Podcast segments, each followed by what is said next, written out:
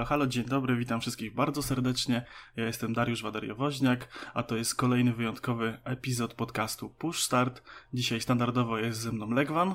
Cześć, witajcie, ja jestem Legwan. Oraz Patryk. Cześć, Patryk Jakowski, Miasto Gier. Witam bardzo serdecznie wszystkich pasjonatów gamingu w nowym e, odcinku podcastu Push Start. Jest to podcast najszerszy w swojej formule w sieci, jaki możecie odnaleźć. Siedzi tutaj trzech zgredów a tak naprawdę trzech pasjonatów gamingu. Ja lubię nadużywać tego super wyrażenia, uwielbiam je. To się tak przykleiło do mnie, że już tak naprawdę o mnie mo można mówić jako o pasjonacie dosłownie wszystkiego. Ale, ale pasję warto mieć i też witamy dzisiaj ponownie w kolejnym odcinku. Dzisiaj akurat bez gościa, ale cieszymy się, że podobał Wam się ten odcinek z gościem. E, wkrótce będą kolejni. Dzisiaj tak trochę na szybko, bez tematu przewodniego. E, standardowy przegląd newsów a później wreszcie porozmawiamy o tym, w co ostatnio graliśmy. Um, tak, myślę, że to tak dzisiaj będzie wyglądało. Waderio, czyżbym o czymś zapomniał? Nie, no myślę, że tyle. No tak jak żeśmy wspomnieli, właśnie będzie dzisiaj temat, e, co było grane, z racji tego, że trochę się tego nazbierało w ciągu ostatnich kilku miesięcy. E, no i myślę, że będzie ciekawa, żwawa dyskusja na temat kilku, kilku tytułów. Ale przede wszystkim na początku przelecimy przez, przez wiadomości sponsorowane przez miasto Gier.pl. A pierwsza z nich jest dla mnie bardzo... Sponsorowane. A, nie mów. Nic nam nie płacą. Nie, a nic nam nie płacą. Może Patrykowi. Nie no, ja, słuchajcie, ja muszę naprawdę. Ja kupiłem próg do Z4 za swoje pieniądze, pastę do polerki za swoje pieniądze i jeszcze nie mam żadnego e, sponsora, mimo że tymi zdjęciami po prostu zatruwam Twittera. Ale skoro było już o dinozaurach i było już o Z4, to to mam z głowy. Teraz możemy przejść do wiadomości. A pierwszą z nich jest wiadomość o Borderlands 3, które sprzedaje się w szalonym tempie. Już 5 milionów kopii pękło. Ponad, tak naprawdę.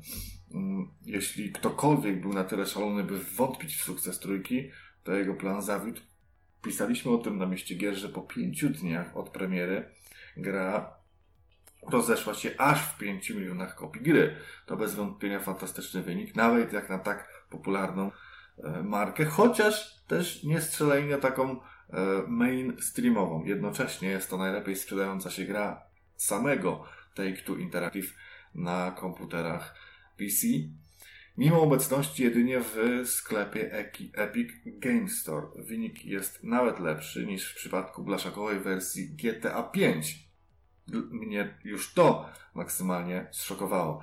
Przynajmniej jeśli mowa o pierwszych pięciu dniach obecności na rynku. Trójka na PC to także najczęściej zamawiany preorder w ramach sklepu Epic Game Store. Ilość kopii kupionych cyfrowo na blaszaki według wydawcy znacząco przebiła sprzedaż pudełkową.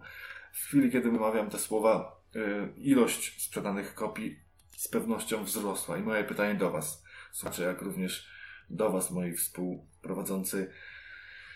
Myśleliście, że Borderlands 3 osiągnie taki sukces? Bo ja powątpiewałem i myślałem, że w czasach tych wszystkich Battle Royalów trochę zapomniano o takiej marce jak Borderlands, a okazuje się, że jest hit. No, powiem ci, że ja, szczerze mówiąc, jestem też trochę w szoku, yy, ponieważ może nie to, że nie spodziewałem się, że Borderlands osiągnie sukces, ale po reakcjach, które się pojawiły po premierze w sieci, to spodziewałem się, że nie będzie to aż taki sukces, ponieważ były bardzo mieszane odczucia. Niektórzy bardzo chwalili, inni yy, dość mocno narzekali na Borderlandsy. Ale co do tego, co mówisz o GTA, no to tutaj się akurat nie dziwię, że GTA na PC e, sprzedało się gorzej, bo pamiętajmy, że GTA na PC zostało wydane ile? No rok po premierze na konsolę? Przecież to było masakra, oczekiwanie. I tak samo myśleliśmy, że się wydarzy z y, Red Dead Redemption dwójką, ale co widzimy, na razie się to nie wydarzyło. Jeszcze cały czas mam nadzieję. Będzie, Będzie. zapowiedzieli. Tak. Dzisiaj. tak? Dzisiaj to wypłynęło, Och, tak. Alleluja. Ale akurat o tym dzisiaj nie będziemy jeszcze dyskutować, bo ale Valerio, ty, ty co myślisz o Borderlandsach? W ogóle interesują Ci takie gry? Podoba, podobają Ci się takie gry? Wiesz co, ja bardzo lubiłem e, te pierwsze właściwie trzy części, czy tam dwie i pół części. Mi się e, dwójka i pre-sequel bardzo podobały. Jedynkę to przeszedłem chyba ze cztery razy ze znajomymi w koopie. I to są właśnie takie super gierki pod, pod granie z kimś. E, ta fabuła tam nie jest aż tak bardzo angażująca, ale jak ktoś jest zainteresowany, to, to zawsze coś tam ciekawego dla siebie znajdzie. Przede wszystkim niesamowity humor, niesamowicie fajny feeling strzelania. To jest chyba w ogóle jedyny taki looter shooter, w którym strzelanie jest zrobione tak dobrze. E, we wszystkich tych innych, które grałem, jakoś tak się fajnie nie strzelało, tylko tak, no te gąbki na pociski tak się pruło, pruło i nic, żadnej satysfakcji. Tutaj jednak ten system strzelania i te bronie były zawsze super zrobione. No i mnie trochę, właściwie y, trochę mnie dziwi sukces Borderlandsów, ale nie przez pryzmat tego, czy ta gra jest dobra, czy zła, tylko przez ten cały bojkot na Epic Store'a i że ludzie mieli się obrażać, tam minusowali na Steamie przecież e, dwójkę i pre-sequel jedynkę, e, jakoś tak niechętnie do tego a tu proszę, na PC tak jednak się sprzedała rewelacyjnie. I teraz kwestia, czy to zasługa Epica, i tej niesamowicie wielkiej bazy graczy Fortnite'a, czy jednak ci wszyscy, którzy tak głośno krzyczeli, że, że nie kupią i że w ogóle jak tak można, że kolejny launcher, kolejna ikonka, że to źle i w ogóle, jednak y, schowali swoją dumę w kieszeni i poszli i kupili do Epica. To mnie przede wszystkim ciekawi. Jakie są statystyki tutaj pod tym względem, ale myślę, że tego się nie dowiemy nigdy. Myślę, że taki wielki franchise to jednak, jednak łamie tych takich y, nie, nieprawdziwych y, PCMR-ów. Ja jestem prawdziwym PCMR-em, ja nie, nie kupuję nic na Epiku. ale nie, ale y, no rzeczywiście wielka nazwa, wielka marka, tak, Borderlands jednak, mimo tej długiej przerwy między dwójką a trójką, to jednak przyciąga ludzi i no, myślę, że po prostu się zdecydowali, że dobra, dla Borderlandsów możemy tą naszą gamerską dumę porzucić gdzieś w kąt i tylko, tak czy to te, czy, tylko, tylko czy to teraz nie będzie taki, wiesz, argument dla wszystkich innych twórców, że zobaczcie, gracze sobie tam pyskują, że Steam, Steam najlepszy i w ogóle nie kupią gry, a jednak Borderlands się sprzedały i czy tych ekskluzywów teraz nie będzie coraz więcej. No, ten, te ekskluzywy to temat po prostu rzeka, śnią się po nocach. Tak, temat rzeka. Temat rzeka, temat na, na, inny, i na inny odcinek. A na pewno jeszcze na koniec dodam, że mm, w wersji na PC Borderlands 3 na Metacritic ma 83%, więc no bardzo wysoko, więc wyszła bardzo dobra gra. No całą generację na nią czekaliśmy, ale wyszła bardzo dobra gra. A kolejnym newsem jest fakt, iż japoński dziennikarz uważa, że PlayStation 5 oraz PlayStation 5 Pro zadebiutują w tym samym momencie, tego samego dnia na rynku. Bo w, w przypadku bieżącej generacji po raz pierwszy mieliśmy dwa warianty konsoli, praktycznie tej samej konsoli, słabsze i w późniejszym okresie wydajniejsze. Zadebiutowały one w odmiennych terminach, ale w przypadku generacji nadchodzącej dostaniemy oba w tym samym czasie. Na to przynajmniej wskazują najnowsze doniesienia. Japoński dziennikarz Zenji Nishikawa stwierdził niedawno w transmisji na, ży na żywo, że Sony pracuje nie tylko nad PS5, ale również PS5 Pro. Nishikawa donosi, że korporacja zamierza sobie konsole, obie konsole wypuścić na rynek w tym samym czasie. Dziennikarz niestety nie podaje żadnych źródeł swoich informacji, co sprawia, że warto podejść do nich z przymrużeniem oka. Szczególnie ze względu na to, że specyfik specyfikacje techniczne zarówno PlayStation 5, jak i Play PlayStation 5 rzekomego Pro są wciąż niewiadome. Jak tylko pojawią się nowe doniesienia w tej sprawie, oczywiście, że będziemy Was informować. Mnie, mi generalnie, dla mnie generalnie, jest to bardzo dobry pomysł, bo no po co mamy czekać w kolejne, e, kilka kolejnych lat na to, aby dostać um, ulepszoną konsolę, skoro teraz możemy dostać droższą, tą wypasioną, tą taką docelową zmianę generacyjną, ale i też tę tańszą, która w jakiś tam sposób daje nam to postrzeganie nowej generacji, ale nie um, na full power. I co wy myślicie, dwie konsole w jednym momencie to jest dobrze? Czy Sony robi błąd i powinno przeczekać, tak jak teraz, kilka lat przebujać się w, w cudzysłowie z podstawową wersją konsoli, aby później wrzucić tę docelową, nad którą pracowali i którą byli w stanie w jakiś tam sposób ulepszyć. Tak oto konsole zbliżają się do PC-ów i do tego, że im więcej włożysz kasy, tym lepiej będzie wyglądała gra i lepiej płynnie będzie chodziła, a PC zbliżają się do konsol, bo już mamy wewnątrz PC-owe konsol wary między Epic Game Storem i Steamem, więc wszystko niedługo będzie jedną całością. Wszystko zbliża się do tej fuzią ha. Już jesteśmy tuż, tuż. Natomiast jeżeli chodzi o mnie, to ja powiem e, tak, że e, ruch mnie nie dziwi, jak najbardziej jest słusznym ruchem i dobrym ruchem. E, tak ze względu czysto marketingowego, ale jeżeli tak patrzeć na, na graczy, to uważam, że powinna być tylko i wyłącznie jedna wersja konsoli, e, ta najmocniejsza, z najmocniejszą specyfikacją, z tymi wszystkimi bajerami, wodotryskami, no bo nie oszukujmy się, no, w przypadku PlayStation 4 i PlayStation 4 Pro, no ja akurat mam tą przyjemność, że sam u siebie w domu mam podstawową tą wersję FATA, a brat mój ma wersję Pro, no i czasami jak tego niego jeżdżę, czy on przyjeżdża do mnie z konsolą i sobie robimy jakieś takie konsolowe lambarty, to na tych grach y, nie ma aż tak dużej różnicy graficznej żeby kupować wersję Pro. Ok, no jeżeli ktoś 4K e, HDR potrzebuje, e, no to ok, spoko, wyświetla mu to, ale to nie jest aż taka duża różnica moim zdaniem, jeżeli chodzi o jakość grafiki, jakość tych tekstur, żeby faktycznie ta przesiadka, jeżeli mamy e, zwykłego PS4, opłacała się na wersję Pro. I tutaj to samo. Uważam, że jeżeli wyjdzie dwa warianty, to jednak gry będą optymalizowane pod wersję podstawową, żeby, bo ta wersja bardziej się sprzeda, tak? Jeżeli będzie tańsza, trafi do większej liczby konsumentów, więcej ludzi kupi, a ci tacy hardkorowcy, zapaleńcy, którym zależy na grafice, kupią tą wersję, ulepszoną tą wersję Pro. I tutaj o tyle szacun, że wypuszczą naraz, bo ja osobiście w momencie, e, kiedy kupiłem PlayStation 4 tam kilka miesięcy po premierze, e, potem jakieś pół roku później, od kiedy, odkąd ja kupiłem, e, wyszła wersja Pro, czy zapowiedzieli wersję Pro, to trochę czułem się oszukany, trochę było mi przykro i smutno, że e, dopiero co kupiłem konsolę, już wychodzi lepsza wersja. E, no potem jak sobie zweryfikowałem, jak to wygląda, to bardzo nie żałowałem. No i w drugą stronę tak samo, no kupowanie wersji Pro dla tylko trochę lepszej rozdzielczości, a niekoniecznie jakichś lepszych, faktycznie ładniejszych tych detali czy, czy czegoś, uważam to trochę za bezsensowne tak z perspektywy czasu.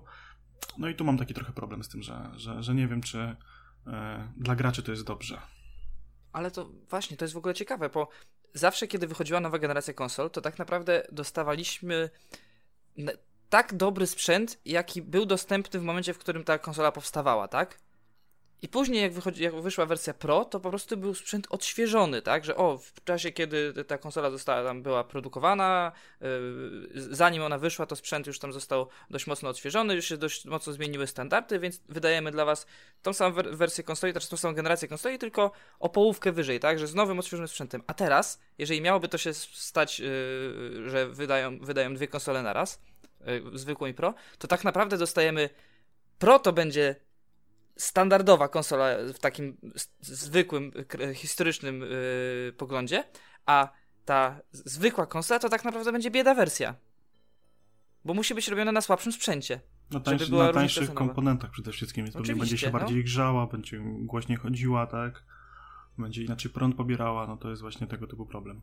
Właśnie Czyli teraz konsola standardowa to nie jest konsola standardowa, tylko to jest konsola bieda, a konsola Pro dokładnie, to staje się konsolą standardową. Dokładnie. Ale pozostajemy przy temacie PlayStation 5, bo dzisiaj, dzisiaj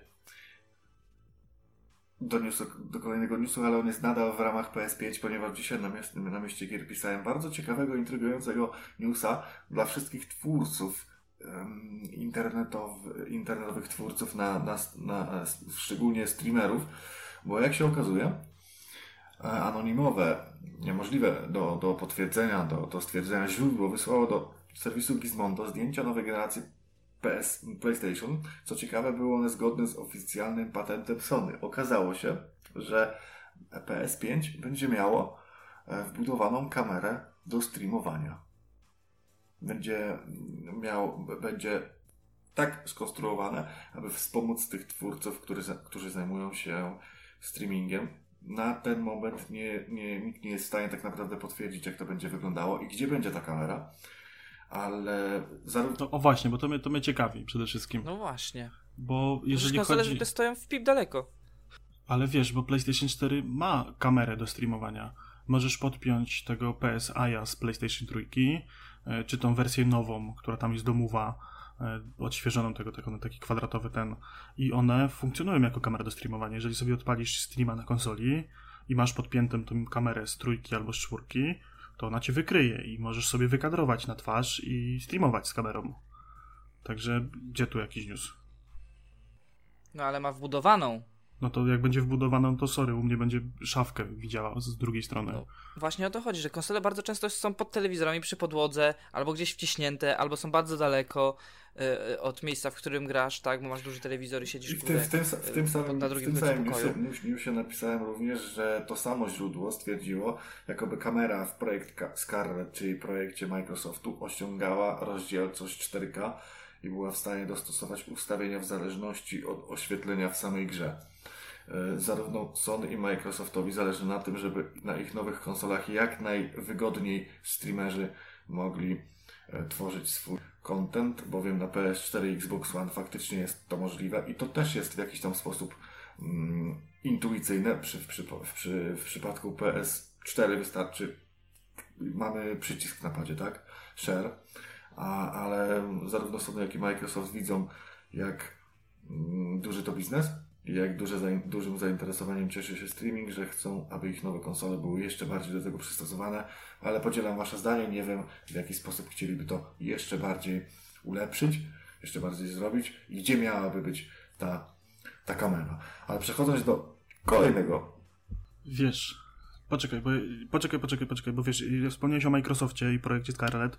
Tutaj dla mnie y, ten ruch, że ta kamera gdzieś będzie i będzie i będzie taka mega zarąbista, to jest akurat słuszny ruch, bo e, przecież dobrze wiemy, że Microsoft teraz mocno inwestuje w Mixera jeżeli faktycznie by to tak funkcjonowało, jak sobie to Microsoft planuje, no to kurczę super, bierzesz, odpalasz sobie streama e, z konsoli, ktoś tam cię ogląda i w każdej chwili może dołączyć do twojej rozgrywki, w, wciskając guzik, tak?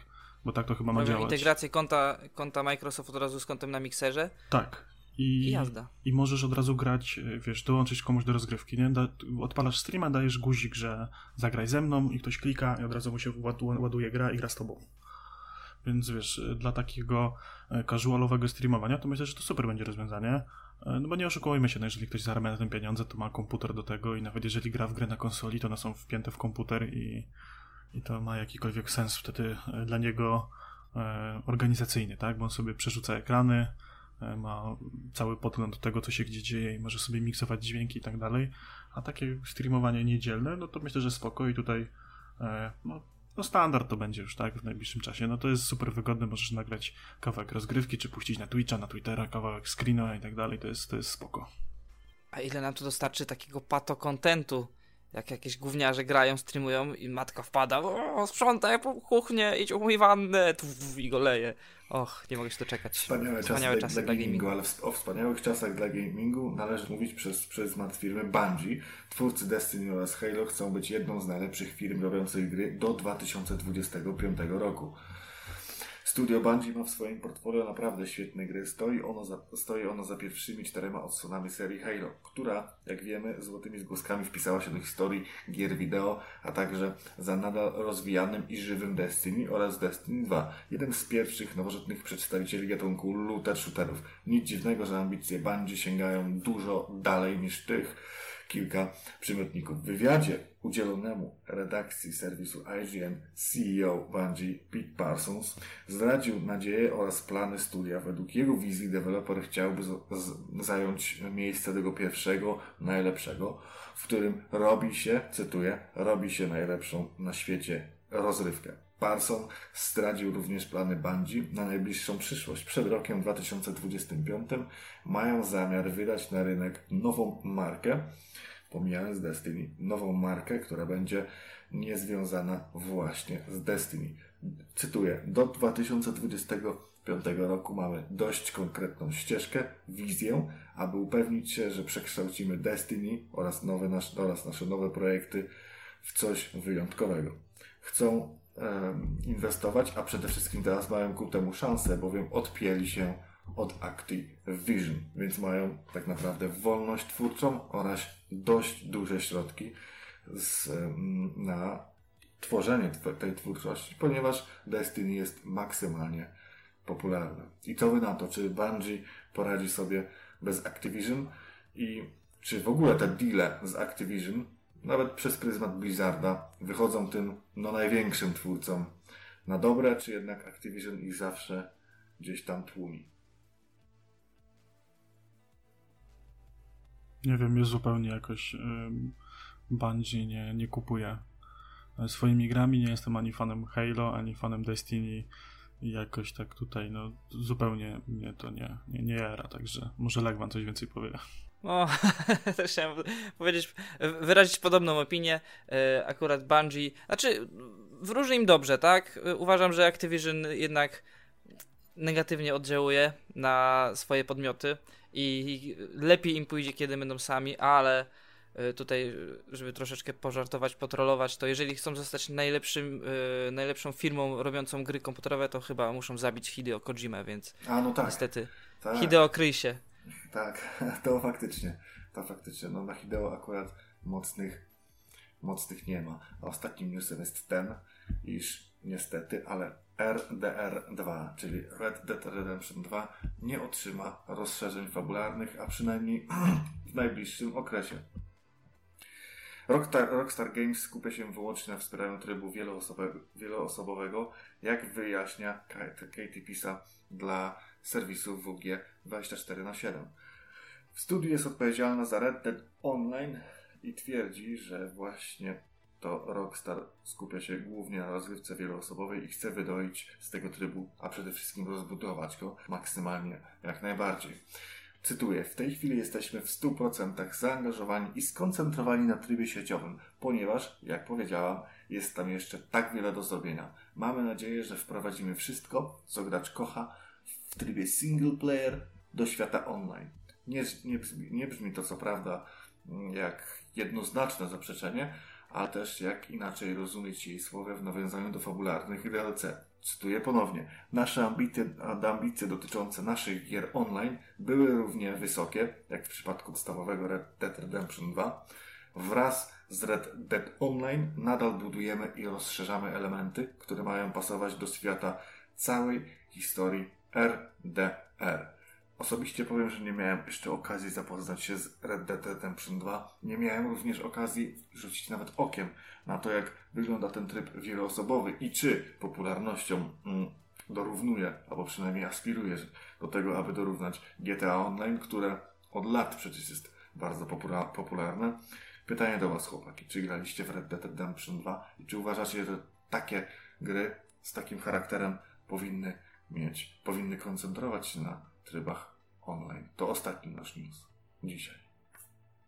Znaczy, ja jestem PC-towcem, więc nie grałem jeszcze, ale jak tutaj sobie przeglądam, to widzę, że tak, 5, 5 listopada możliwe, że zagram. E, ale wydaje mi się, że oni w ogóle idą bardzo e, podobną ścieżką, jaką szli przy GTA 5. Gdzie też, z tego co pamiętam, to wyglądało to tak, że e, wydaje na konsolę, ludzie sobie pograli na konsolach, wtedy wygrali, wydali na PC-ty, odpalili to y, GTA Online, skupiali się dość długo na GTA Online, na, na rozwijaniu go i wtedy, kiedy już ludzie y, wysaturowali się na PC-tach z tą y, kampanią singleplayerową, że już wszyscy to przeszli praktycznie, którzy w to grali, którzy byli zainteresowani, to dopiero wtedy zaczęli wydawać dodatki fabularne. I tutaj wydaje się, że jest podobnie, tak? Że puścili na konsolę, Ludzie pograją na konsolach, teraz puszczają na pecety, ludzie pograją na pecetach, przejdą sobie kampanię fabularną i dopiero wtedy może zaczną się skupiać na kolejnych dodatkach, a w międzyczasie będą rozwijali Poczekaj, poczekaj, no, poczekaj. Mi się, Jakie były dodatki fabularne GTA 5? A, nie pamiętam, ale a nie było? No nie było. Aha, bo oni... A, rzeczywiście, oni wydawali DLC-ki, ale do tylko do multiplayera. No właśnie, bo oni powiedzieli, o, że im się to nie opłacało. Że bardziej e, opłacało się zainwestować w DLC do online'a niż na DLC fabularne, bo więcej zarabiali hajsu na tym online. Bo było, było tak, że oni planowali, że będą dwa duże rozszerzenia do piątki fabularnej, do singla, ale jak odpalili online i online zaczął zarabiać pieniądze, to zaczęli pchać wszystkie siły przerobowe tam. No i podobno, gdzieś takie kiedyś plotki na jakimś tam serwisie czytałem, że spora część z tych dodatków y, online to są wycięte rzeczy, które były zrobione do, do tych y, fabularnych rozszerzeń. I oni po no, prostu oczywiście. je tam dawkowali. Kurde, ale mi się porąbało. Przez to, że ja oglądałem tego dość dużo na YouTubie i ludzie grali online, a ja sobie to połączyłem w jakiś, w jakiś sposób, kurde, z singleplayerem, nie? No także moim zdaniem to logiczne, logiczne, że tak poszło, do ten e, GTA Online pokazało, że tam jednak jest pieniądz i jest siła, Ja się w to GTA Online trochę bawiłem, tak średnio mi się podobało, to nie moje klimaty niestety. Jeżeli chodzi o Red Deada, no to ja jak wychodził, to powiedziałem sobie, że e, najpierw e, skończę e, jedynkę, bo jedynkę gdzieś tam kiedyś no, przechodziłem, ale tam nie do końca pamiętałem, nawet nie wiem, czy skończyłem ją do końca i stwierdziłem, że najpierw przejdę jedynkę, potem kupię dwójkę. Nie zrobiłem tego, ale mam okazję teraz, jak wyjdzie na PC, to może do tego czasu zmobilizuję się i zagram w tą jedynkę. A więc cóż, jesteśmy po wiadomościach, jesteśmy po newsach.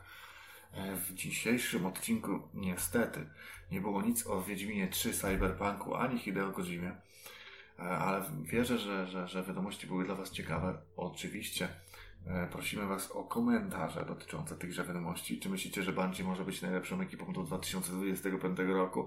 Czy graliście w RDR 2? Jak oceniacie tryb wieloosobowy?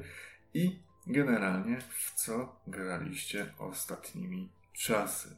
Legwam. Co ostatnio grałeś? Co cię pochłonęło? I czy to była gra Hideo Kojimy? Bo e, wiesz, co innego nie warto grać.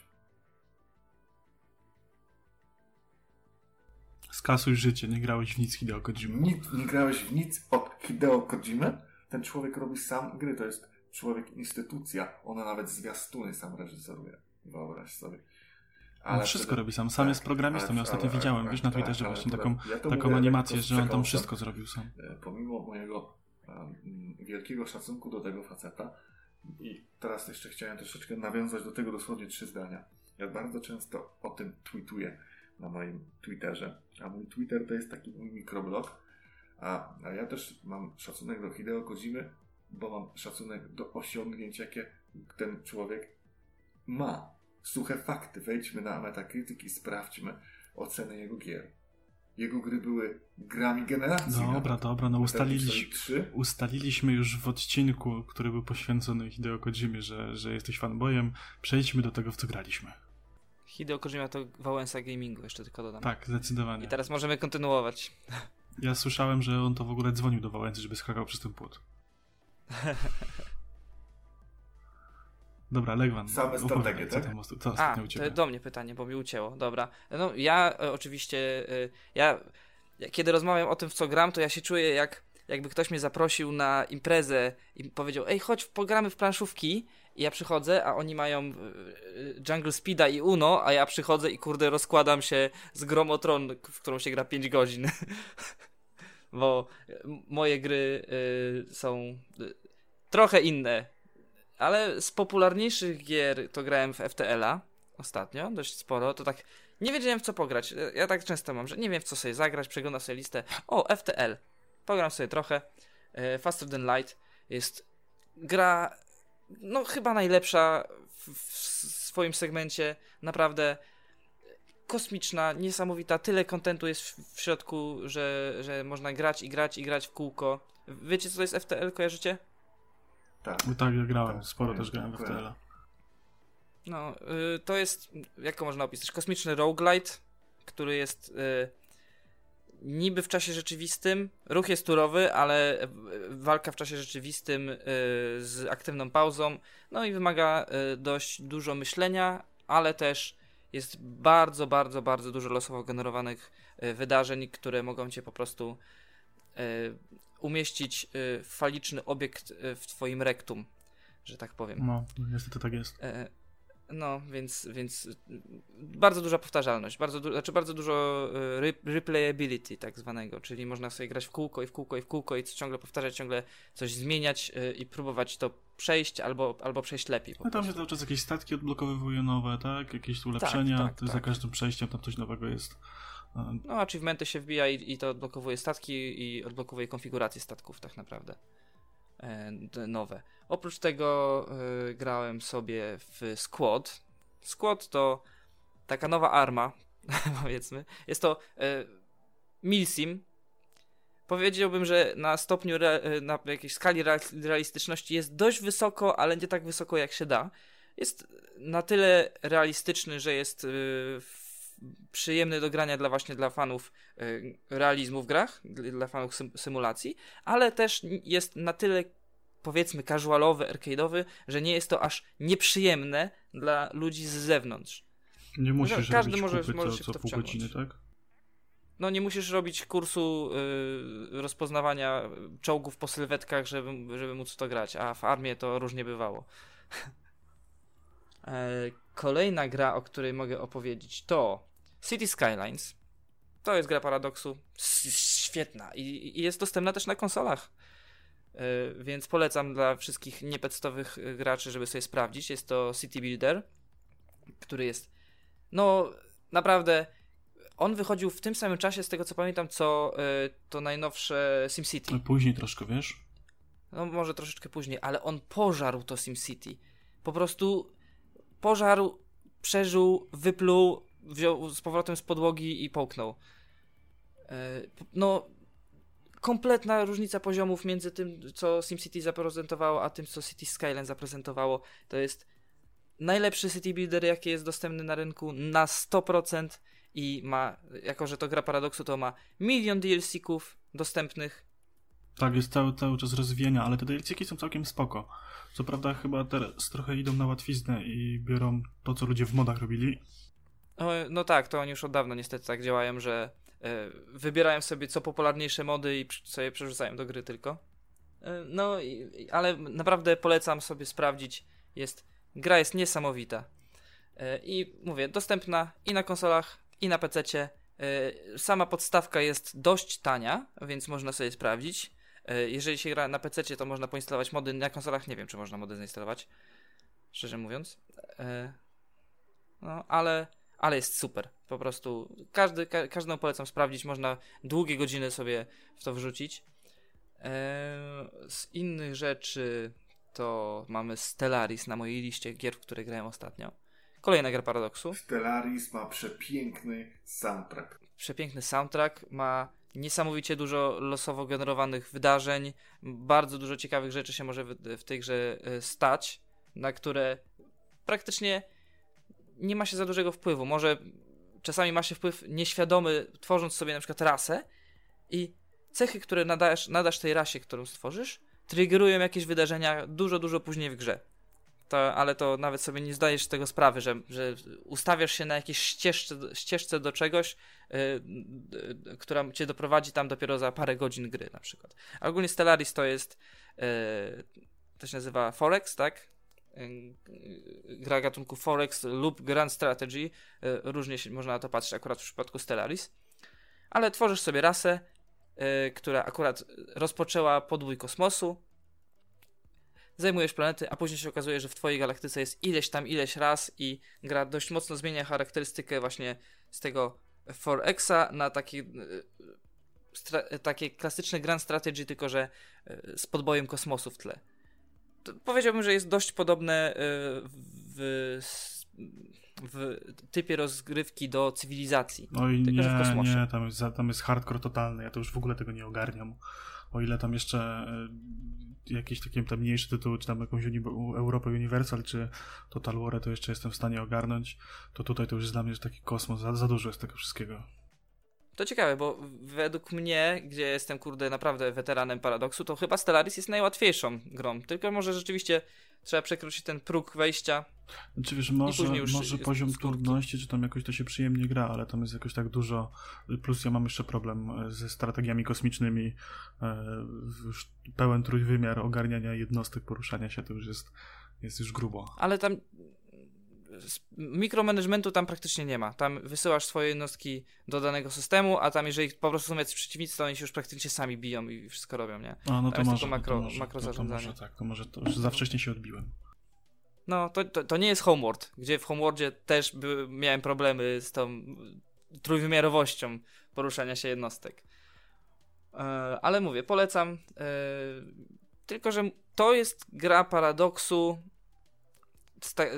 nie, nie, nie, podobna do City Skylines, gdzie każdy może wejść i spróbować, tylko właśnie już raczej z tych, gdzie jest ten próg wejścia dość wysoki. E, Z kolejnych gier paradoksu, w jakie grałem ostatnio, to Crusader Kings 2 i to jest gra, w którą spędziłem w ostatnich czasach bardzo, bardzo, bardzo dużo czasu. W ostatnich czasach dużo czasu, tak? W ostatnich czasach wiele godzin e, wlałem w tę grę.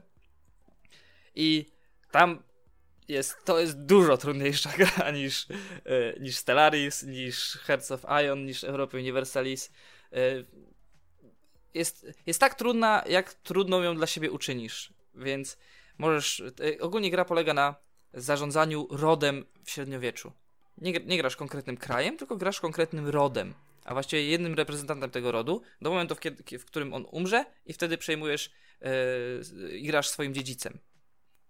Więc sam pomysł na, yy, na grę jest niesamowity, bo na przykład możesz grać sobie jakimś księciem czegoś tam, czegoś tam, jakiegoś małego terenu gdzieś w Polsce, ale twój dziedzic poprzez e, jakieś małżeństwa, umowy itp. itd. może posiadać dużo więcej terenu i nagle umierasz i miałeś małe e, księstewko gdzieś w Europie Środkowej i nagle zarządzasz całym imperium. Ponieważ twój dziedzic miał więcej ziemi niż ty. Więc albo twój dziedzic okazuje się, że przez dziedziczenie, przez to, że inne twoje dzieci młodsze e, też dziedziczą jakieś ziemię, to twój dziedzic ma tylko jedną trzecią twojej, twoich ziem i nagle tracisz bardzo dużo terenu. I jeszcze są konflikty między tymi dziećmi, które chcą przejąć e, ziemię od innych swoich, od swojego rodzeństwa i nagle twój brat wypowiada ci wojnę i doprowadza to do tego, że yy, otrułeś swoją własną matkę i dwójkę twoich dzieci, bo, ten, to, bo to trzecie dziecko ma najlepsze statystyki. I, I, gra, która pokazuje ci, jakim jesteś złym człowiekiem wirtualnie. Ja sobie zawsze tak obiecuję, że kiedyś to wszystko zagram. Strasznie mi się te gry bardzo podobają, ale jakoś tak za dużo czasu wymagają, takie mam wrażenie. No tak, no ja y, na dwa playthrough poświęciłem z 30 godzin ostatnimi czasy. Więc, więc rzeczywiście dość są czasochłonne.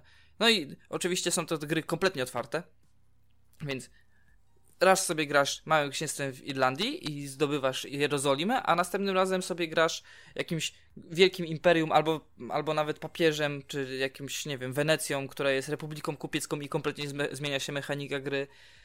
E, no, można grać w kółko i w kółko i w kółko i właśnie takie gry uwielbiam, że można grać skończyć i zagrać znowu. I będzie co, zupełnie co innego. I zagrać znowu, i znowu coś innego. No niesamowite. Tylko, że to jest, mówię, to jest gra trudna. Trudno w ogóle się w nią wkręcić. Więc yy, nie dla każdego na pewno. I na mojej liście ostatnią grą, którą yy, grałem dużo, naj, najbardziej niedawno, to, to jest ostatnia z gier, w którą grałem, to jest Rimworld. Rimworld e, odstrasza grafiką, odstrasza trudnością. No, no piękna jest ta grafika, ja nie wiem co ludzie chcą od tej grafiki, ona jest bardzo ładna. No, jest taka sama jak w Prison Architect i w tych wielu podobnych grach, które w jednym czasie wychodziły. Ona jest tak... Jest widok z góry na, na te takie sprite, tak, nie? Tak, ale wiesz, tam jak przybliżysz, naprawdę dużo fajnych rzeczy widać, a jednocześnie jak sobie oddalisz, to też jest całkiem, e, całkiem fajny ten, ten widok. Tam ta grafika się skaluje, trochę pograłem też i, i no, mi się podobała, no, dla mnie jest ładna. No, no jeżeli ktoś lubi y, ten styl, to na pewno się może spodobać, ale wiesz, jeżeli ktoś sobie odpala y, grę i chce fotorealizmu, no to, to jednak jest to jest gra, nawet nie, to nawet nie są pixel, pi, nie jest pixel artowa, ona jest taka klasycznie na sprite'ach mhm. po prostu. No ale tam mechanika, tam wiesz, fizyka, silniki te wszystkie mechaniczne, które tam działają, całe te, te łańcuchy zdarzeń, które generujesz. Myślę, że na, tutaj idzie cała moc obliczeniowa komputera. Y, no, na pewno. No, ale powiem ci, że w ogóle a propos tej mechaniki, tych zdarzeń, które się generują, bardzo fajnym rozwiązaniem jest to, że oni tam mają tego AI Storyteller. Oni mają y, te, to niby AI, tą sztuczną inteligencję, która generuje ci wydarzenia na podstawie jakiegoś tam, jakiejś tam proceduralnej generacji, tak? Także nigdy nie masz takiego samego playthrough. Kompletnie nigdy, bo zawsze ci, zależnie od tego, co się dzieje na mapie, to ten storyteller ci coś innego wymyśli. E, I nigdy nie wiesz, czego się spodziewać, tak naprawdę, bo w jednym momencie możesz sobie, nie wiem, sadzić rzepę, znaczy nie, rzepy tam chyba nie ma, sadzić ziemniaki albo ryż, najpopularniejsze dwie uprawy. E, I nagle przez dach do twojej bazy wbijają ci się cyborgi, lądują w jakichś takich kapsułach i zabijają twoją hodowlę kurczaków. No, dzieją się różne dziwne rzeczy. Ogólnie gra polega na tym, że jesteście rozbitkami i zależnie od tego, jak sobie tryb wybierzesz, to lądujesz albo jako jedna postać, albo jako parę postaci na planecie i musicie przeżyć i z niej uciec. Rozwijasz sobie bazy, zbierasz sobie ludzi tam albo e, próbujesz pojmać jakichś, którzy cię atakują, albo tam, nie wiem, ratujesz jakichś innych rozbitków. Masz bardzo, bardzo dużo różnych opcji i przemieszczasz się po dużej globalnej grasz na małej mapce, a przemieszczasz się po dużej lokalnej mapie, globalnej mapie, która składa się z takich właśnie pojedynczych lokacji, takich małych mapek, aby dojść do jakiegoś tam miejsca i wystrzelić rakietę, która za, za pomocą której wrócisz do domu. I oczywiście gra jak to gry, w które gram też jest miliard modów do niej. Yy, ostatnio sobie zainstalowałem taki mod związany trochę z Warhammerem 4000 i gram sobie w takie powiedzmy easy playthrough, takie bardzo łatwe ze względu na to, że zrobiłem sobie dość mocno OP postaci. Zrobiłem sobie jednego takiego, który jest Space Marines, ma jakieś tam zmodyfikowane serce, drugie serce wszczepione, jakieś zmodyfikowane genetycznie ręce, nogi, bioniczny kręgosłup i po prostu y, może się bić y, na pięści ze słoniami. Inny tam jest jakimś y, jakimś mechanikiem tam, który jest tam, no, no nie będę się już tam rozwodził nad tym, ale mam bardzo fajnych, wyspecjalizowanych ludzi od różnych czynności i po prostu tak, taki power run mój, taki, że o, teraz będzie łatwo w każdego rozwalić, po prostu gram dla przyjemności, a nie dla wyzwania, bo dla wyzwania grałem już wiele, wiele razy. I tak naprawdę to chyba zamyka moją listę gier, no. w które grałem ostatnio. Tabelkowo, I strasznie dużo czasu zająłem. U ciebie, standardowo. Słucham? Strategowo, tabelkowo u ciebie, w standardzie. Tak, tak, jak najbardziej. No. No ale za, zawsze mi się te gry wszystkie podobają, które ty grasz. Zawsze bym chciał w nie zawsze pograć. Jak o nich opowiadasz, to mam zawsze taką ochotę. Zawsze sobie coś instaluję, a potem jak zwykle nie mam czasu. Znaczy, to ja sobie tak wmawiam, że nie mam czasu, bo jak sobie tak patrzę właśnie na płynnie przejdziemy do mojej listy gier, to jednak trochę tych tytułów ograłem i chyba najwięcej, jeżeli chodzi o, o ilość godzinowo z was wszystkich. E, dlatego ja tak w miarę szybko przelecę, w miarę zwięźle to, co nowego i ciekawego omówię szerzej i zaczniemy od gry Control, czyli od nowinki, od Remedy. Grałem od razu po premierze i e, no gra bardzo fajna. Co prawda nie mam karty z RTX-em, ale i tak na moim PC wyglądała dość ładnie. Chociaż taka ciekawostka, e, odpaliła, ona się w standardzie odpala chyba właśnie na e, Directie 12 E, i e, wyglądała strasznie okropnie. Na najwyższych ustawieniach, na najwyższej rozdzielczości wyglądała jak gra sprzed 10 e, lat, albo i gorzej. Tekstury były brzydkie, rozmyte, nieszczegółowe i bardzo długo zastanawiałem się, jak temu zapobiec i co zrobić, żeby, żeby właśnie tak nie było. No i na szczęście udało mi się sprytnie rozwiązać ten problem, zmieniając właśnie DirectX na, na 11 i, i wszystko zaczęło bagnąć normalnie. E, gra bardzo stabilnie chodziła, bardzo ładnie, e, wszystko, wszystko super, e, jeżeli chodzi o optymalizację. Strasznie mi się podobała fabuła, strasznie dużo takiego rozkminiania tam było. Ona jest w ogóle taka sztampowa, w ogóle wchodzi laska do budynku, który się pojawia ludziom, e, którzy tylko tak jakby o nim wiedzą, ten budynek ją wzywa, tam jest w ogóle jakieś biuro rządowe, które zajmuje się jakimiś takimi specjalnymi przypadkami i w ogóle tak jakby na pierwszy, na pierwszy rzut oka nic ciekawego, ale tam jest dużo takiej historii zażyte, zaszytej w otoczeniach, w jakichś takich e, dziennikach, logach, e, w, w takich znajdźkach, czy w samym takim um, opowiadaniu historii przez otoczenie. Tam jest dużo jakichś porozrzucanych śmieci, e, gdzieś te biura są, widać, że tam jakieś to życie tętni, że coś się tam ciekawego działo na tym biurze. Więc bardzo fajnie się po tym chodzi, bardzo fajnie się to zwiedza. E, walka jest nawet spoko. E, tam mamy jeden pistolet do wyboru i tak jakby jego rozbudowywujemy. On ma tam elementy, to jest tak jakby, to się nazywa broń serwisowa chyba. I to jest jakiś taki y, kosmiczny pistolet, który tam może być strzelbą, karabinem, zwykłym pistoletem, karabinem snajperkiem, w zależności jakie tam moduły do niego włożymy. I to wszystko bardzo fajnie działa. Do tego mamy e, moce takie psychokinetyczne, tam możemy rzucać przedmiotami, e, w późniejszych etapach gry tam możemy nawet lewitować przez jakiś krótki okres czasu i to wszystko super. E, lokacje są bardzo fajne, bo jesteśmy właśnie w tym budynku tej, e, tej organizacji i musimy sobie odblokowywać przejścia, tam są jakieś zagadki środowiskowe, zwiedzamy sobie z jednej strony ten budynek, z drugiej strony ten budynek, wracamy, przechodzimy jeszcze raz przez te pomieszczenia, odblokowujemy kolejne przejścia, skróty. Tak trochę e, solsowo jest, jeżeli chodzi o e, budowę lokacji. Gdzieś tam wchodzimy do jakiegoś miejsca, gdzieś jedziemy windą, wychodzimy w miejscu, w którym żeśmy już byli. E, I to wszystko całkiem spoko, ale jedyne na co mogę ponarzekać i coś, co spowodowało, że trochę się zdenerwowałem i porzuciłem grę na dłuższy czas, to jest walka. Jest kilku przeciwników, których możemy określić jakimiś bossami, którzy mm, mają tak jakby odrębną mechanikę walki, tak jakby. Znaczy, no standardowo strzelamy do nich, oni strzelają do nas, musimy unikać i tak dalej, ale jest jeden przeciwnik, który, na którym walczymy na arenie, e, której podłoga się rozpada.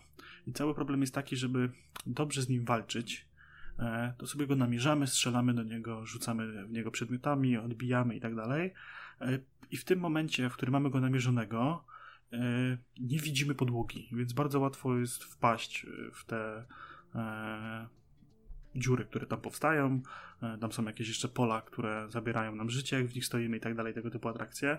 I to jest strasznie mega irytujące. W momencie, kiedy go sobie nie zaznaczymy, żeby widzieć podłogę, to wtedy on nas okłada e, pociskami, rzeczami, rzuca w nas i tak dalej. I to jest strasznie mega irytujące. Ja bardzo nie lubię w grach, jak są takie elementy e, no trochę właściwie niedopracowane moim zdaniem. Gdzieś tutaj czegoś zabrakło ale ogólnie e, odbiór, odbiór całej gry mam dość mocno pozytywny. Podobało mi się. E, tak było Max Payne'owo, Alano Wake'owo. Taka hybryda trochę moim zdaniem obu tych, e, tych e, strzelanek właściwie. No i no, widać było, że to jest Remedy, tak? Od samego początku e, poruszanie się postacią, e, cała fabuła, ta tajemniczość, mrok. Ewidentnie Remedy mi przy, przychodziło na myśl, jak w tą grę grałem. No i tyle. Macie jakieś pytania co do kontrol? Mnie kontrol tak, nie wiem, od początku ani w sumie nie grzał, ani nie ziębił i po premierze też w sumie mnie nie rusza. Nie wiem, jakoś nie interesuje mnie tego typu gry po prostu, no. Tyle mogę powiedzieć. Nie, nie mam dodatkowych pytań. Wiem, że graficznie to wygląda świetnie. Ja bym chciał tylko sobie zobaczyć tak naprawdę tutaj, jak grafika w tej grze wygląda, bo wiem, że to musi być. Tak. Tam wrzucałem parę screenów na Discorda. To, to wyglądało. Kiedyś na pewno sobie sprawdzę rozgrywka na pewno nie jest jakaś tam szczególnie rozbudowana. No ale ja lubię akurat liniowe strzelanie, więc Max Payne Max Payne mi się podobał, Quantum Break e, też było fajne, więc na pewno kiedyś sprawdzę, ale jeszcze nie teraz. No to dobra, to teraz w telegraficznym skrócie dwie gry. E, Batman Arkham Asylum e, w tej wersji na PS4 zestarzał się paskudnie, ale chciałem sobie go odświeżyć, bo nie grałem w tą trzecią część tą e, Arkham Knight. I właśnie chciałem sobie przejść przez jedynkę, dwójkę, trójkę, żeby to mi się fabularnie spinało i zestarzał się przeokropnie. Gra jest brzydka, e, toporna i dobry Batman. W dalszym ciągu dobry Batman, dobra gra, ale już niestety nadgryzięta zębem czasu. Ciekaw jestem, co powiesz o Unity. O właśnie, Unity, rany boskie. Właśnie Assassin's Creed Unity to jest kolejna gra, którą właśnie też sobie skończyłem e, i irytowała mnie strasznie E, jest mega bardzo zabugowana. Mimo tego, że paczowali ją silnie i już tam nie ma e, lewitujących oczu w kapturze i jakichś tego typu gliczy, to bardzo często miałem taką sytuację, że spacerowałem sobie ulicami Paryża i nagle tłum wariował jakbym kogoś zaatakował, tłum się rozbiegał, zaczął się dziać chaos i w momencie, kiedy zaczął się dziać ten chaos, to strażnicy orientowali się, że ja tu jestem w tej okolicy i zaczęli mnie atakować albo potrafiłem się zawiesić na jakimś gzymsie. Tam jest ten nowy system parkouru, e, znaczy wtedy był nowy, czyli jednym guziczkiem wspinamy się do góry, drugim guziczkiem wspinamy się na dół. I tak jakby nie ma możliwości zeskoczenia w inny sposób z obiektu. Niejednokrotnie wskakiwałem na jakąś belkę, y, z której nie mogłem wskoczyć ani wyżej, ani niżej. I to mnie mega denerwowało i to nie było tak, że to był sporadyczny przypadek, tylko wielokrotnie. I jedyną opcją było tak naprawdę restart konsoli do dashboarda, załadowanie od nowa gry i wczytywałem się gdzieś tam na ulicy. I bardzo mnie to, bardzo mocno mnie to irytowało. Tak to sama rozgrywka, no całkiem w porządku. No, dobry asasyn. Ale musisz przyznać, ale musisz przyznać, że Paryż jako miejscówka przepiękny nawet. Przepiękny jest, jest tam dużo detali. Ja uważam w dalszym ciągu, że e, detale w grach robią robotę. Takie odwzorowanie szczegółów, właśnie gdzieś tam jakieś stoiska, kosze, śmieci, brudy. E, to, to jest tam spoko zrobione. Te tłum też robi wrażenie, chociaż zachowuje się dziwnie w dalszym ciągu. Także no, no tyle w temacie Unity. E, miałem sobie przechodzić od razu Syndicate'a, ale zrobiłem sobie przerwę i y, korzystając z abonamentu Uplay Plus y, zacząłem sobie ogrywać The Division, pierwszą część na PC i y, gram sam. Jeżeli ktoś chce, to zachęcam do pogrania ze mną. Mam tam dziesiąty level w tym momencie, także możemy się jakoś gdzieś kiedyś z kimś zgadać, jeżeli ktoś jest chętny. Jestem zaskoczony. Jak byłem przeciwnikiem gier usług tego typu i powiedziałem sobie, że nie będę w to nigdy grał, to stwierdziłem, że sobie spróbuję, zobaczę. No i podoba mi się ta forma rozgrywki. Jest tak pięknie oddany Nowy Jork. E, I właśnie, i to jest to, o czym przed chwilą mówiłem. Tam jest strasznie dużo detali. Idziemy tym e, ośnieżonym Nowym Jorkiem, tam są wszędzie śmieci, samochody pozastawiane, jacyś ludzie się tam gdzieś kręcą, szczury, psy biegają, ptaki latają. E, widać, że to miasto jest naprawdę w trakcie jakiejś apokalipsy. Tam naprawdę się dzieje dużo takich rzeczy, że e, ludzie zostawili tak jak było, gdzieś tam ktoś to rozkradł, ktoś na śmieciu, ktoś poprzewracał. Wchodzimy do masy budynków, e, tunele w ogóle pod miastem. To wszystko robi taki klimat, że to jest masakra. E, no i ja sobie tak prowadzę tego mojego bohatera, samotnego wilka, gdzieś tam robię te, te questy. Całkiem spoko jest to zorganizowane. Jedyny minus dla mnie jest taki, że jest strasznie. Znaczy, gra wymaga, czy może ja coś źle robię, bynajmniej na tym etapie, na którym jestem, wymaga lekkiego grindu, ponieważ y, mam dostępne dużo misji, ale większość misji, które mam dostępne są na za wysokim levelu i sobie na nich nie radzę, mam do słaby ekwipunek, więc muszę grindować misje, które przyszedłem już wcześniej. Także to jest taki minus, który mnie troszeczkę denerwuje w tej grze. Y, ale jeszcze myślę, spędzę trochę czasu. Chciałbym do tych y, Dark Zonów się dokopać i, i wtedy myślę, że coś więcej będę mógł powiedzieć na temat tej gry. E, no i właśnie e, jak na tym Uplay Plusie jesteśmy, to e, zacząłem sobie grać w Rainbow Siege SX na PC. Ja wcześniej grałem dość sporo na konsoli i tutaj mam wielki minus dla Ubisoftu za to, jak jest prowadzony system dodatków w Rainbow Siege Six. Miałem wersję Gold kupioną na konsoli tam sezon pasem do któregoś roku. Tam miałem chyba pierwszy rok bohaterów wszystkich wykupionych i żeby sobie dokupić kolejnych, e, strasznie dużo trzeba grindować tej reputacji. E, I ona, e, z tego co się dowiedziałem, doczytałem, w zależności od wersji, jaką żeśmy kupili gry, tak szybko nam leci.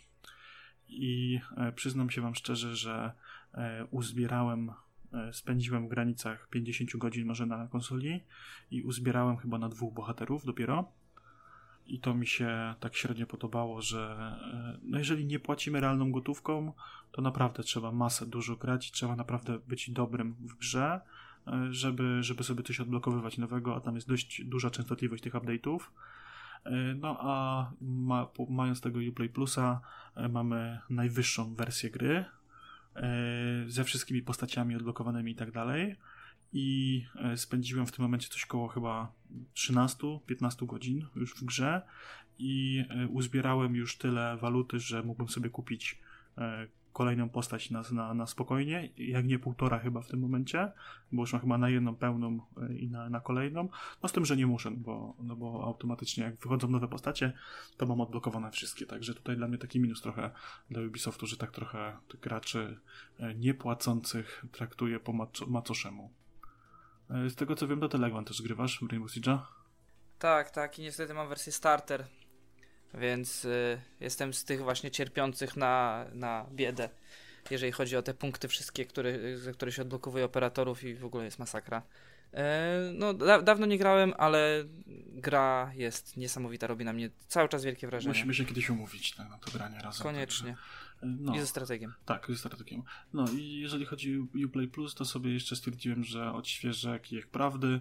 E, no i przeszedłem. Dalej bawi, dalej śmieszy, dalej jest fajny. Może sobie w tą e, kolejną część w końcu zagrać. Myślę, że w najbliższym czasie sobie zainstaluję właśnie, bo też jest na, na tym abonamencie. E, także no, South Park, no ja lubię. Bawi mnie ten humor. W kijku prawdy bawiłem się naprawdę świetnie. Zrobiłem sobie rudego murzyna, który miał klasę Żyd, więc e, było śmiesznie potrójnie. Wulgarny humor jest dobry, bo jest dobry i wulgarny. Dokładnie tak. No. no. No, i jeszcze tak e, trochę żeśmy z żoną e, staroszkolnie e, obok siebie po, po, po, jednym życiu grali w Crasha Bandicoota and Saint Trilogy, też grałem na PC. E, bardzo fajnie gra. Ja nie grałem w poprzednie Crasze, nie miałem przyjemności. Mnie ta era PS1 e, na, na PC minęła, nie miałem konsoli, więc tutaj sobie stwierdziłem, że sobie odświeżę. E, zagram sobie to, co mi ominęło i faktycznie bardzo dobra gra, bardzo ładna grafika na tym wydaniu Insane. Sterowanie bardzo przyjemne. Spodziewałem się, że będzie to coś mega hardkorowego po opisach ludzi z internetu było całkiem przyjemnie. Nawet moja żona, która za dużo nie gra, też sobie radziła i właśnie tak jak mówię, graliśmy na zmianę po jednym życiu. Bawiliśmy się całkiem świetnie i myślę, że jeszcze będziemy wracać do tej gry, bo chyba żeśmy jej nie skończyli z tego, co się orientuję. Coś nam tam zostało do zrobienia. No i standardowo dla mnie cały czas y, Overwatch na PS4. Y, męczę się w niego i gram w niego już tak trochę z przymusu. Gra, gra mi się bardzo podoba. I bardzo fajnie mi się w nią gra, ale męczy mnie już granie na konsoli w Overwatcha. E, trochę się zrobiło bardzo toksyczne środowisko. E, ciężko się gra, e, głównie się denerwuję grając, ale sobie zawsze jak wychodzi jakaś nowa mapa, nowy bohater czy jakiś event, to zawsze sobie pogrywam i trzymam kciuki, ponieważ ostatnio Sony powiedział, że crossplay wyszedł z bety i będzie crossplay w grach E, liczę, że e, Activision przymusi Blizzarda do zrobienia crossplaya w Overwatchu i wtedy przesiądę się na granie PC-towe. Jak będę mógł sobie przetransferować wszystkie skórki, które mam i całe poziomy. Także u mnie tyle, jeżeli chodzi o gry w ostatnim czasie. A więc moi drodzy, ja tak naprawdę mm, skorzystam też z okazji, że mamy nagrywamy kolejny, kolejny podcast i mm, opowiem o dwóch grach, które ogrywałem zawodowo i dwóch kolejnych grach, które ogrywałem prywatnie i dla przyjemności. Zacznijmy od tych gier, które ogrywałem zawodowo. A miałem tę wielką przyjemność po raz kolejny na ławach miasta gier.pl testować, pisać recenzję gry WRC 8, ósmej odsłony od Croton Games, byłych twórców Fabrali która to w tym roku zadebiutowała po rocznej przerwie, bo WRC w ubiegłym roku nie było. I to możecie to też potraktować jako moją, potraktujcie to jako moją opinię, e, jako recenzję, też w ramach podcastu Push Start, bo już na samym wstępie powiem, że WRC 8 jest warte e, waszego, jakby waszej uwagi. Ósemka jest grą, która łączy w sobie tak bardzo rozbudowany ma bardzo rozbudowaną, rozbudowaną rozgrywkę, jak i bardzo taką rzetelną, rzetelny realizm prezentowania rajdów samochodowych i wreszcie jakiś sensowny model, model jazdy. Generalnie zaczynamy tak jak zawsze, to znaczy od wybieramy ekipę, dołączamy do pewnej ekipy i naszym zadaniem jest tak naprawdę pięć, przechodzenie kolejnych, przechodzenie kolejnych rajdów i rozbudowa naszego zespołu. A, a wygląda to tak, iż teraz Keloton Games tak maksymalnie się na tym skupiło, miało dwa lata, na tym, na to, żeby rozbudować rozgrywkę maksymalnie. Możemy zatrudniać ludzi od sprawdzania pogody, meteorologów, możemy zatrudniać mechaników, możemy zatrudniać menedżerów, możemy zatrudniać ludzi od PR-u, możemy zatrudniać trenerów, możemy zatrudniać mechaników i wydawać na to pieniądze zarabiane w grze. Wreszcie to WRC i te sezony powtarzalne WRC, bo y, ja do, do poprzednich odsłon mam takie zarzuty, że te gry były dla mnie zbyt szybko powtarzalne i zbyt szybko nudne. Ja lubię um, wyścigi samochodowe, lubię rajdy samochodowe, ale bycie ich jakby widzem, a nie do końca tym um, członkiem. I zawsze w, grę, w WRC męczyło mnie to, że, że ta gra, chociaż świetnie przygotowana, po dłuższych kilku godzinach zaczynała męczyć, bo tam tak naprawdę klepaliśmy kolejne rajdy i niczego nie rozbudowywaliśmy. A teraz jest inaczej, bo nasz zespół jest ogromny i trzeba naprawdę mnóstwo rzeczy mm, odkryć. Można mnóstwo rzeczy odkryć. Jest tutaj całe drzewko rozwoju, które poprzez przy, przy mm, ukończenie kolejnych rajdów możemy odblokowywać nowe umiejętności dla naszej ekipy. Mało tego, jest tutaj nawet taka wizualizacja ekipy, kamera zawieszona nad takim wirtualnym budynkiem i my możemy sobie sprawdzać, co nasi ludzie w naszym, w naszym zespole robią. Jacy ludzie są, w którym zespole możemy ludzi zatrudniać i zwalniać. Zarabiamy tutaj pieniądze, odkładamy pieniądze na tuning samochodu, na tuning, e, na generalnie nawet koszty rajdów są tutaj uwzględniane, więc to nie jest tylko takie jeżdżenie dla jeżdżenia, ale też bardziej gra ekonomiczna i to mi się podoba, bo jest tutaj co rozkminiać. Mało tego, do rozkminiania są przede wszystkim odcinki specjalne. Już w siódemce te odcinki specjalne były, już w poprzedniej odsłonie te, te odcinki specjalne były dłuższe i bardziej rozbudowane i wielowymiarowe, to znaczy wielopoziomowe. E, to się może wydawać oczywiste, ale w grze wideo to też czasami ciężko jest uzmysłowić, że jedziemy pod górę, a potem zjeżdżamy w dół i technika jazdy i ustawienie samochodu w momencie, kiedy te odcinki są pod górkę, a z górki jest zupełnie inna. Jeżeli to jest w ramach jednego odcinka, czyli jedziemy na jednych ustawieniach, to trzeba być bardzo wprawnym. Odcinki mogą mieć nawet 13 mil, więc jeżeli dojedziesz do połowy, do końcówki, a wypadniesz, no to jest po zawodach, bo WRC 8 jest już grą bardziej realistyczną. Nie ma tutaj cofania czasu, nie ma tutaj jakichś ułatwień.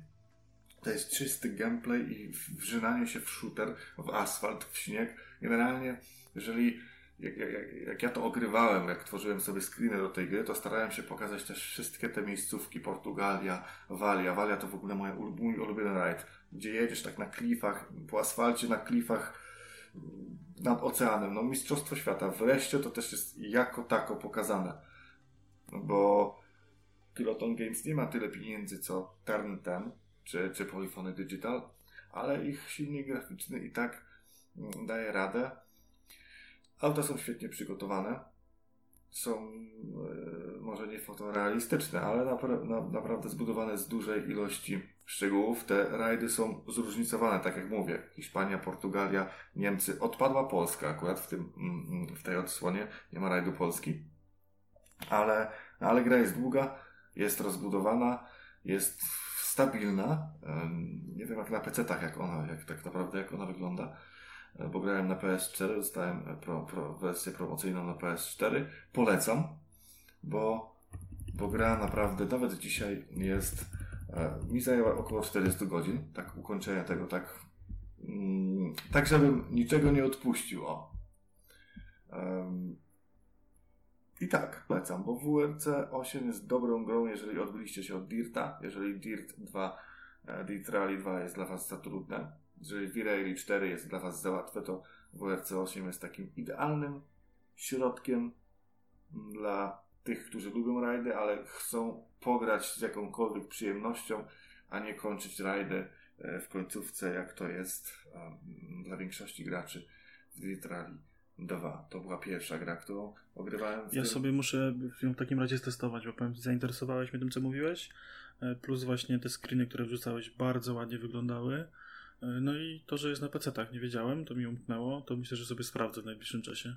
I myślę, że też akurat WRC ma to do siebie, że one szybko tanieją, być można jeszcze moment poczekać, ona stanieje, a, a no to naprawdę jest gra, to jest kopalnia rozgrywki moim zdaniem, a, a też myślę, że właśnie nikt się od niej tak nie będzie odbijał jak od Dirta, bo, no bo można tam wiele rzeczy poustawiać, że będzie bardzo przyjemnie.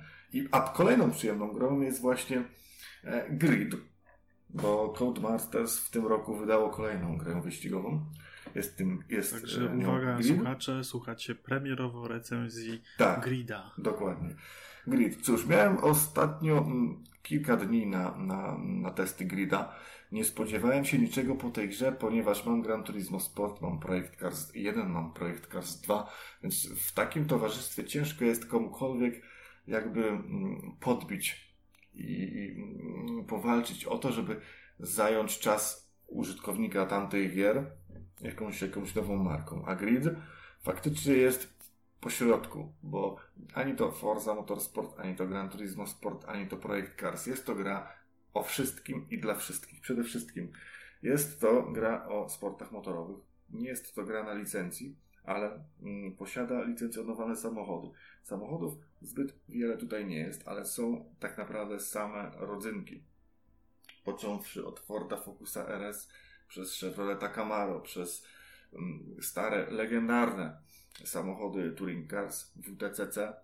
Jest tutaj no, cała śmietanka tych aut, którymi kiedyś się jaraliśmy, których plakaty mieliśmy nad buszkami. Można, można pojeździć tutaj naprawdę topowymi autami, tak z przeszłości, jak z dzisiaj, ale jak pojeździć? No właśnie, Grid jest o tyle fajny, że to jest gra, która pozwala ci się wcielić w kierowcę rajdowego i pokazać Ci taki feeling akcji wyścigowej, jak żadna inna gra. O co mi chodzi? O to, że grając w to, to imituje e, transmisję telewizyjną. Jest komentator, co jest dla mnie nowością.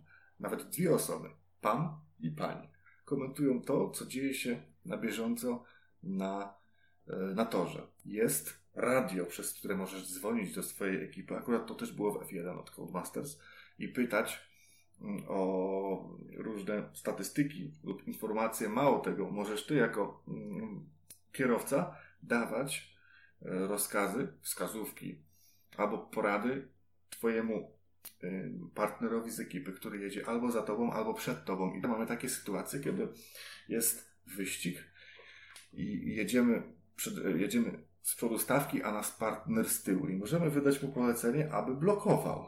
To znaczy, aby ci, którzy jadą za nami, jeżeli on jest za nami bezpośrednio, może blokować tych ludzi, którzy próbują się dobić i nas wyprzedzić. Dla mnie to jest w ogóle coś zupełnie nowego i coś bardzo fajnego. Wyścigów jest bardzo dużo i nie ma tu też jakby takiego, takiej jednej kategorii wyścigów. Tutaj są e, wyścigi amerykańskie NASCAR, są wyścigi typu WTCC, e, wyścigi GT, wyścigi starych samochodów GT, e, starych samochodów turystycznych. Jest tutaj mnóstwo, kilkadziesiąt tak naprawdę mm, wyścigów na całej takiej tablicy głównej. Gdy zaczynamy grę, mamy taką wielką, ogromniastą tablicę, na której możemy wybierać wyścigi, w których będziemy brali udział kilkadziesiąt. Ogranie tego to jest kilkadziesiąt godzin. Gra jest trudna, ale trudna jest przez to, jaki ma model jazdy. Ja bym określał jako nie kierowanie samochodem, a kierowanie poślizgu samochodem. Ja mam bardzo duży problem z, z modelem jazdy w grid, bo przez większość czasu na torach zamkniętych, zaraz o nich opowiem, lub otwartych, jakichś górskich, czy autostradach, te samochody, którymi prowadzimy, jest to model jazdy dla, może nie dla casuali, ale nie jest to też taki typowy arcade. To jest taki Need for Speed z 2015 roku, w którym te auta bardzo łatwo wchodzą w poślizg i te poślizgi są nadnaturalnie długie. I mm, bardzo często tutaj praktycznie się nie hamuje. Tu się leci na pełnej prędkości. Ta prędkość nie jest aż tak mocno wyczuwalna jak na przykład w Gran Turismo, bo ja tutaj tej prędkości nie czułem ale no, gra jest raczej arcade'owa. Ale właśnie to, no, to że ma taką coś, otoczkę Ja sportową. bardzo nie lubię takie wyścigi mydelniczek. To mnie bardzo zawsze denerwowało. To w ogóle chyba wszystkie te gridy poprzednie takie były, że tam te ślizgi i właśnie nie hamowanie, tylko taki właśnie kontrolowany poślizg, odbijanie się od bandy, od przeciwników, e, to był główny trzon rozgrywki. I to właśnie jakoś tak niekoniecznie mi się podoba. I to nie, tutaj niestety jest tak samo i mi generalnie to też się nie podoba, bo w tej odsłonie grida jest ciężko w ogóle zapanować, może nie zapanować, ale przewidywać jak samochód będzie się zachowywał, bo on naprawdę płynie. On nie jedzie, nie jest przyspawany do, do, do podłoża jak w Fordzie Motorsport czy Gran Turismo, on płynie. I nawet nie reaguje tak dobrze na gałkę, jak na gałkę analoga, jak, jak, jak, jak, jak kiedy jej używasz. I to jest akurat minus, mi się to nie podoba, ale może po prostu za dużo gram w gry typu Gran Turismo, i tu był inny zamysł, ale fajna jest ta właśnie otoczka, bo tutaj mm, nawet e, tak jak mówiłem o tych mm, komentatorach. Są komentatorzy, jak dojeżdżasz, jak dojeżdżamy do mety, e, strzelają petardy, konfetti, e, ludzie krzyczą. Generalnie jest tutaj też bardzo piękny silnik graficzny i mamy dużą interakcję z otoczeniem, bo samochody możemy roz, zniszczyć tak naprawdę wszystko leci, tam lusterka, klapy, spoilery, wszystko. Jeżeli sobie ustawimy zniszczenia, które mają wpływ na jakość samochodu, to możemy uziemić samochód po mocniejszym dzwonie. Mało tego, jak dzwon, e, jak przydzwonimy w bandę, przy której stoją opony, to te opony spoza bandy są w stanie wlecieć nam na tor jazdy i zostać na kolejne, na kolejne okrążenia, czyli jest to tak bardzo rozbudowane. Jak to porównam na przykład z Gran Turismo, to tam nie możemy nawet bandy uszkodzić samochodu uszkodzić, niczego. Mało tego, jeżeli y, jedziemy w deszczu, to ten poślizg, to tak naprawdę cały czas jedziemy poślizgiem ale e, rozgrywka to jest jedna wielka ruletka. No, efekty pogodowe są mistrzowskie, jak dla mnie. Każda kałuża, kiedy wiedziesz w każdą kałużę, czujesz, że nawet mimo, że to jest arcade, że ten samochód wtedy już naprawdę faktycznie płynie. Trzeba umijać kałuże, bo kałuże są twoimi takimi trzecimi przeciwnikami. Wyścigi w nocy, na przykład na japońskiej autostradzie, no coś cudownego. Te, tak jak mówiłem, fajerwerki, latające balony, konfetti. Ci ludzie z tymi e, banerami stojący przy, jak najbliżej jak najbliżej bandy. Generalnie całość wygląda, no ja nie chcę pokusić się o słowo fotorealistycznie, bo ten silnik graficzny Codemasters naprawdę jest maksymalnie zaawansowany. Zobaczcie, jak wygląda F1. A tutaj to jest ich najnowsza gra, więc mają już opracowany ten silnik. Mają go w przysłowiowym małym palcu i naprawdę wygląda to świetnie. Trochę na PS4 moim, bo ja grałem na zwykłym, nie na Pro. Z tą animacją nie jest tak do końca. Tam jest 30 klatek. Wyścigi to generalnie powinno być 60 klatek, ale wtedy ta gra na pewno nie wyglądałaby aż tak dobrze. Mało tego, samochody w tej grze, tak jak mówiłem, model zniszczeń, ale samochody są e, tutaj już fotorealistyczne moim zdaniem. Tych modeli nie ma dużo, ale jak sobie mm, malowałem Chevroleta Camaro, no, takiego fioletowego potwora, to w samym tym systemie tuningowania, on jest też bardzo podobny do tego z Need for Speed'a, możemy sobie zakładać winyle, naklejki, możemy to wszystko bardzo rozbudowane i też dobierać kolory, ale są też takie już ułożone setupy różnych e, kolorów malowań, oklejeń. E, jest ich bardzo dużo. Mało tego, możemy mieć tych, to nie, nie jesteśmy ograniczeni jak w Need for Speedzie ostatnim, gdzie w garażu możemy mieć samochodów tyle, na ile nam pozwolą nasze fundusze. I to też mi się bardzo podoba. Ja później, jak już zacząłem dochodzić do końca tej drabinki całej, to miałem tak dużo pieniędzy, że zacząłem kupować po prostu już wszystko, żeby mieć co, co wyścig zmieniałem. Raz jeździłem Fordem, raz jeździłem tam Chevroletem, raz jeździłem nawet nieszczęsnym Golfem. No bo tych samochodów jest dużo, ale co, co ciekawe, jeżeli jedziemy na przykład samochodami Touring Cars grupy pierwszej, nieważne czy jadę Focusem, czy jadę Chevroletem, czy jadę Golfem, nie ma w ogóle, czy jadę Audi, nie ma znaczenia. E, system jazdy w ogóle się nie zmienia. Tak, to jest takie bardzo uproszczone, bo w sumie jedziesz innym samochodem, ale tak jakbyś jechał wciąż tym samym pudełkiem, tą samą mydelniczką. No to, to, to trochę na minus moim zdaniem. Tak, tak, to, to, to jak najbardziej. I... Ale to co, to, co, to, co mówisz o tej otoczce, że, że właśnie ten komentator, to wydawanie poleceń, te detale, to, to zapowiadasz tak. naprawdę kawał solidnej arcade'owej gry i myślę, że, że zachęcamy, żeby każdy stestował. Kto, kto lubi tego typu gry, nie? Polecisz chyba? Generalnie uważam, y, że w skali mm, od 1 do 5, od 1 do 6 takiej szkolnej, no to ta gra ma 4, 4+. Plus Uważam, że została wydana zbyt późno. Jest, jest to solidna gra, fajna gra, jeżeli już jesteście znudzeni tymi takimi głównymi seriami Forza Motorsport i Gran Turismo, to, to warto sobie przetestować, bo jest to taki no, happeningowy racer, e, gdzie mm, no, tych poślizgów jest więcej niż w tamtych innych grach. To taka gra festiwalowa, trochę jak Forza Horizon, tylko w bardziej takim wyścigowym, poważnym klimacie. No ja polecam, bo akurat y, i biorę odpowiedzialność za swoje słowa. Polecam, warto sobie spróbować. Jak nie teraz, to nawet kilka miesięcy po premierze, jak, jak stanieje, to, to warto spróbować. No, to były gry, w które grałem. Mam nadzieję, że do którejś. No to teraz dawaj jeszcze w telegraficznym skrócie to, co dla przyjemności. A, dla przyjemności to oczywiście jedna, jedyna gra jesienna, to jest Resident Evil 2 Remake. Zawsze, jeśli ja mam tak też, że jesienią gram praktycznie zawsze w te same gry. Jesienią gram zawsze w horrory. Teraz akurat się trafiło, że maksuję. Już chyba z siódmy raz przechodzę Resident Evil 2 Remake. Uważam, że bardzo piękna gra. Świetnie wykonana, bo Capcom ma świetny silnik. Bardzo straszna, bardzo trudna, bardzo mało amunicji, prawdziwy survival. E, uważam, że to jest jedna z najlepszych gier mm, w gatunku horrorów i na, na dzień dzisiejszy i mówię to poważnie, jest to dla mnie gra generacji. Mimo, że to jest remake, że to nie jest nowe IP, dla mnie jest to gra generacji. Najlepiej mi się w to gra, czerpię największą przyjemność z tego. Jest to gra trudna. Mm, jest, ma wszystko to, czego ja potrzebuję. Jest, jest tu backtracking, jest to gra z fajną opowieścią, jest trudna, Jest tu dużo kombinowania, a przede wszystkim ma wysokie replayability. Nie przechodzisz raz i zapominasz, tylko chcesz, chcesz wracać, bo coś odkrywasz, zdjęcia, modele postaci, mm, pobijasz swoje czasy. Ja naprawdę uwielbiam, będę grał do, do, do wyjścia kolejnej odsłony, a, a jeszcze w wolnym czasie strzelam Battlefielda 5, e, który jest na, na bieżąco aktualizowany. No i polecam wszystkim, bo moim zdaniem Battlefield 5 to naprawdę fajna strzelina. Wyszła już ta mapa metro, Patryk? Jeszcze raz proszę. Czy jeszcze nie wyszła? Jeszcze raz, jeszcze raz zapytaj. Metro. E, nie, ja, ja gram akurat teraz tylko w tą Grecję.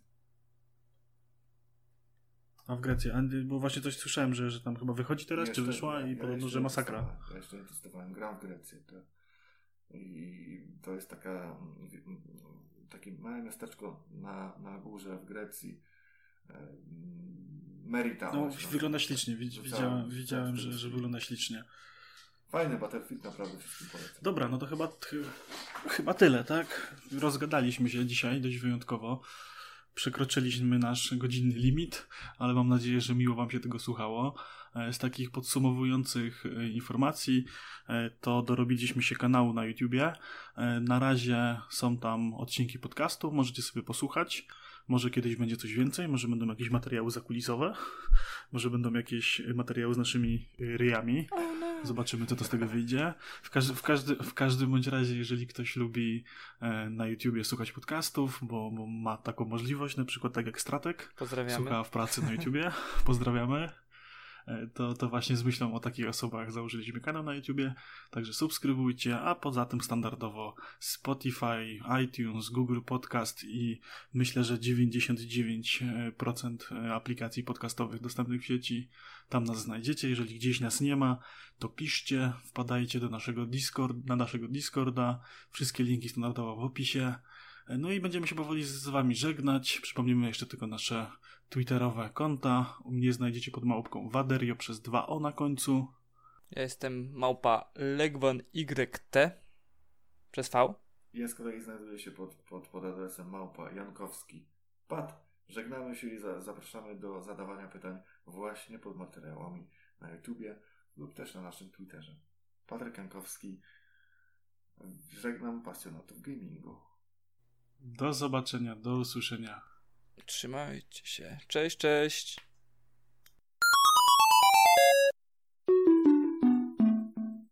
Game over.